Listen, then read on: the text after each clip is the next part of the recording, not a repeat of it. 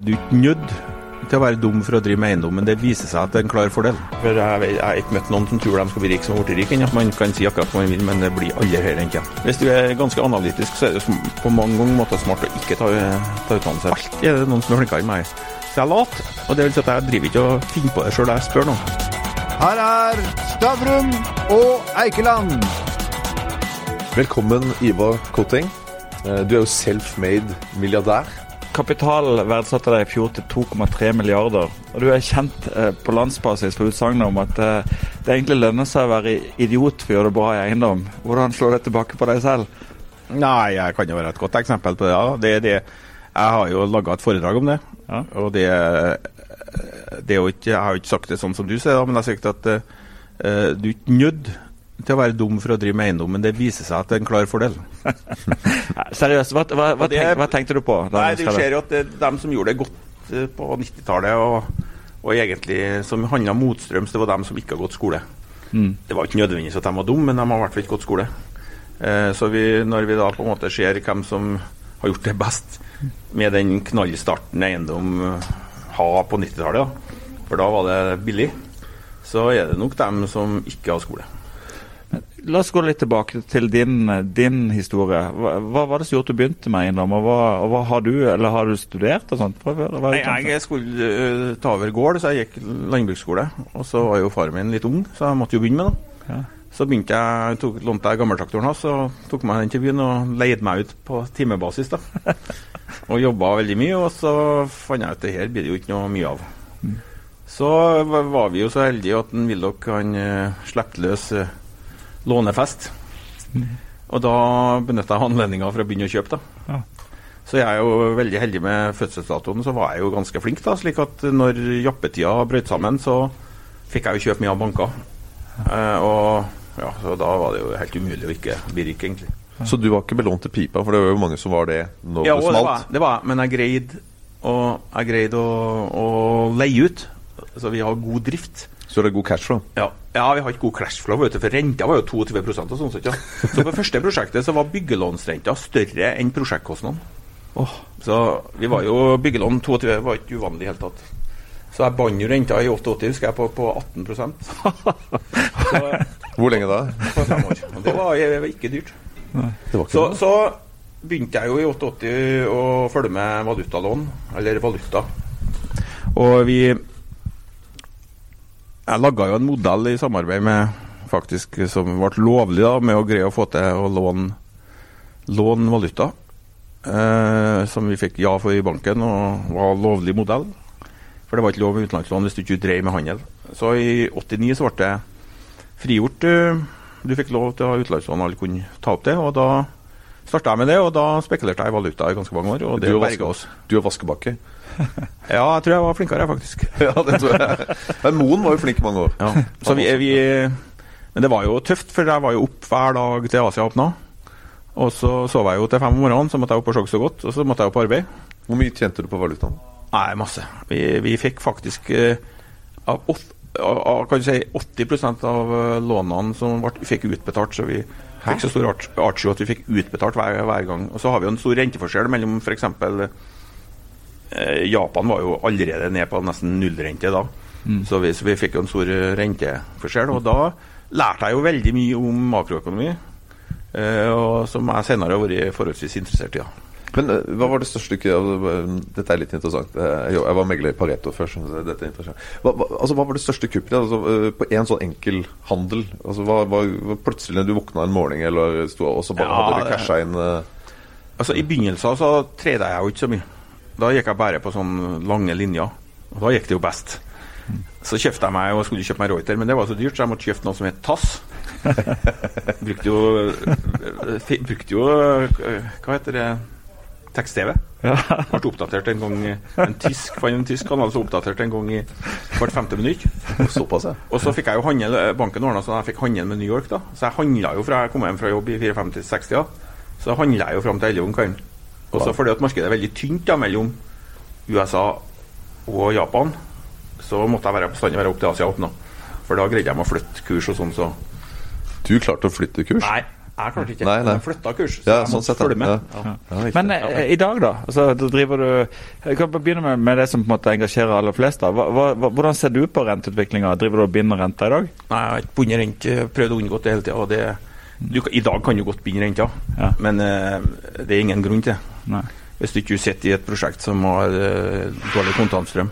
For det at det er så mye penger i verden at man kan si akkurat hva man vil, men det blir aldri høyere enn. Det Hvor mye lån har du i dag?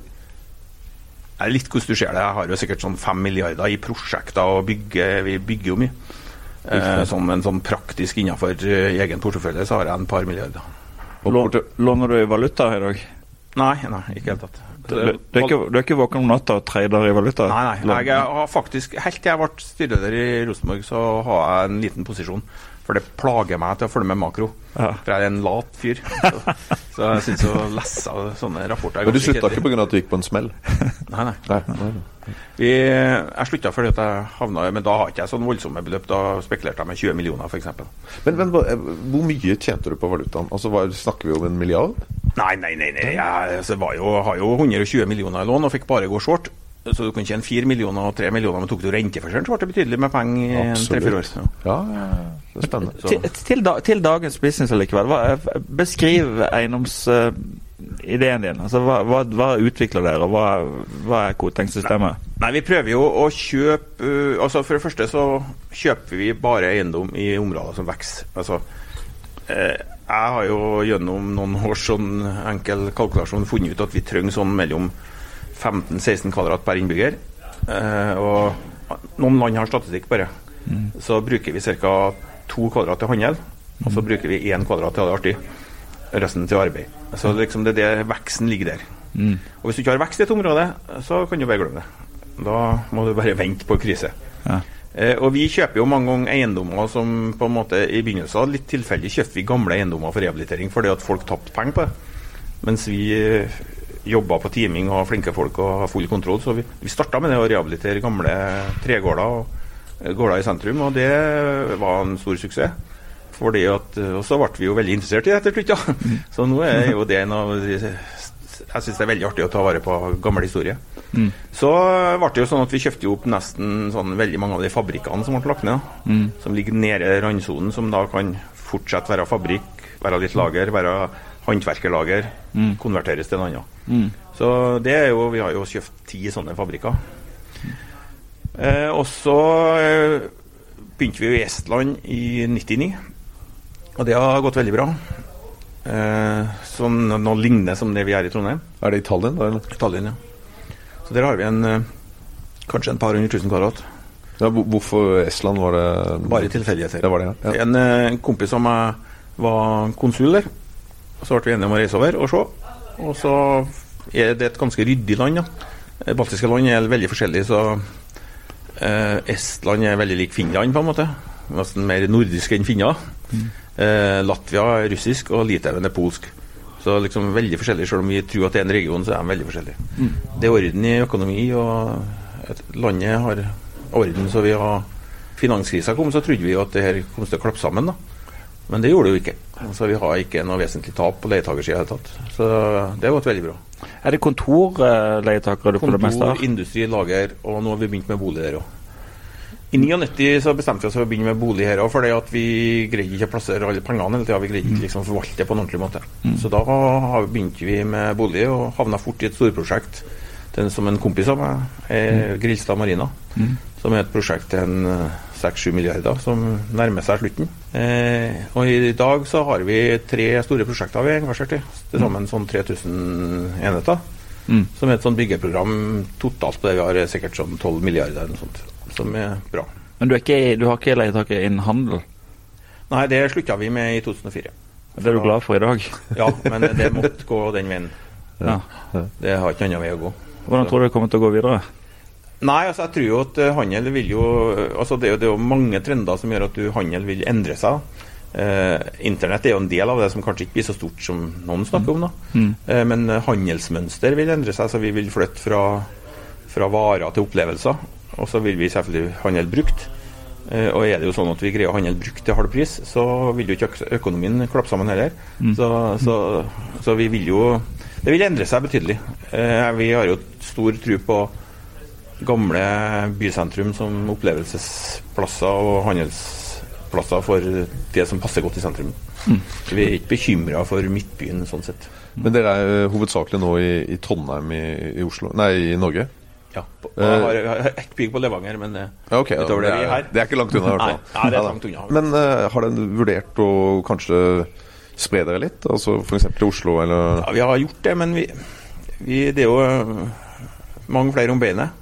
Eh, så det å finne Så har jeg stor respekt for at det er lokal business, da. Kunnskapen om Så det, enten må du jo finne deg en flink et eiendomsselskap som ikke har så mye penger, som har lyst til å ha en partner. Eh, ellers må vi engasjere oss i et øh, betydelig tid før vi setter i gang nå. Eh, men eh, det er vanskelig. Jeg er i, veldig heimkjær, da, så det, jeg syns ikke det er så enkelt. Da. Men mange av de som er sånn self-made, eh, de har jo og, og milliardærer og, og sånt noe. Mange av de har gått på en liten sånn smell én eller to eller tre ganger. Fredriksen og, og mange Røkke hadde jo sleit jo litt her og, og sånn. Har du hatt noen av de tunge periodene selv? Ja, vi har jo i 91, da, når kan si, jappetida klappa sammen, så har vi jo en sånn periode. Riktig, men da var du såpass rusta at du klarte å Ja, eller at jeg faktisk har såpass bra ord på meg at banken tok meg ikke. Ah. Jeg tror ikke jeg hadde noe problem med å tatt meg hvis de ønska det, nei. Men vi greide å stå ved det, for de hadde tro på at vi var flinke til å leie ut og drifte. Da er det lokalbank. Ja. Riktig. Men litt til, til eh, ting som kan være allment interessant for, eh, for folk som ennå ikke har begynt på en yrkeskarriere. Vil du råde folk til å ta utdannelse eller ikke? Nei, det vil ikke jeg råde folk til i det hele tatt. Eh, altså, utdannelse er jo eh, det, det er jo litt hvor smart de er, rett og slett. Hvis du er ganske analytisk, så er det jo på mange måter smart å ikke ta, ta utdannelse. det at du, eh, du blir jo veldig Du går jo i bås hele tida. Og det gjør jo at du faktisk ikke greier å se verden sammenhengene på en måte som kan være gunstig hvis du skal være flink til å å gå inn i en bransje som på en måte som du skal se noen strukturendringer som kommer. Men så er det jo sånn at du lærer deg jo et tankesett når du utdanner. Så du får en ballast. Så det er nok mest personlige egenskaper. Men eh, det er klart at det er jo litt hvilket fag du skal inn i. da. Eh, Så eh, jeg tror ikke jeg skal gi folk råd. Det, det som er viktig, er at de, folk ikke tror at de skal bli rike. For jeg, jeg har ikke møtt noen som tror de skal bli rike, som har blitt rike ennå. Uh, og så tror jeg det er viktig at du har det artig og gleder deg til å stå opp og komme deg på arbeid. Men for å spørre på en annen måte da, Fellesnevner for veldig mange som har blitt rike i Norge, er jo at de ikke har lang utdannelse. Ja. Hva tror du det kommer av? Det har med risikovurderinger òg.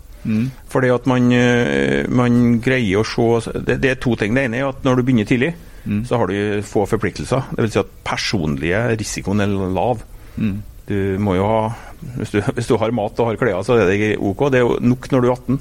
Mm. du tatt deg lang utdannelse, fått deg familie og ferdig i 27, så tør du ikke å ta den risikoen. Og Det andre er at det, er en- de fleste risikoene som jeg, jeg har hørt om, de kommer jo aldri. Altså, det er jo sånn eh, jeg, Banker har jo sagt til meg konstant at de må binde renta. Ja. Ja. Og de har gitt feil råd gjennomgående i 25 år. De har du tjent penger på det? Hæ? De har du tjent penger på det? Nei, det er ikke sånn det fungerer. De snur seg og binder en annen plass. vet du. Okay. Så de tjener ikke noe på det. Det er bare at de eh, tror at det er smart at det er sånn. Men det er jo en grunn til at de jobber i bank, og jeg ikke gjør det. Men jeg har hatt, øh, vi har hatt en lokal bank, og hatt, det bankene vi har vært sammen med, har vært behandla meg svært ordentlig og vært uproblematisk gjennomgående bestandig. Hva er det som driver deg nå? Nei, det er sånn at jeg liker å stå opp om morgenen og prøve å gjøre, bli flinkere. Jeg syns det er artig. Skaffe meg noe kunnskap og som gjør at jeg blir litt flinkere. For det er, også, er det ingenting i verden jeg er flinkest i, så det er så lett å finne kunnskap. Eh, alt er det noen som er flinkere enn meg. Så jeg er lat, og det vil si at jeg driver ikke og finner på det sjøl jeg spør noen. så jeg, jeg tror det er smart å være lat, faktisk.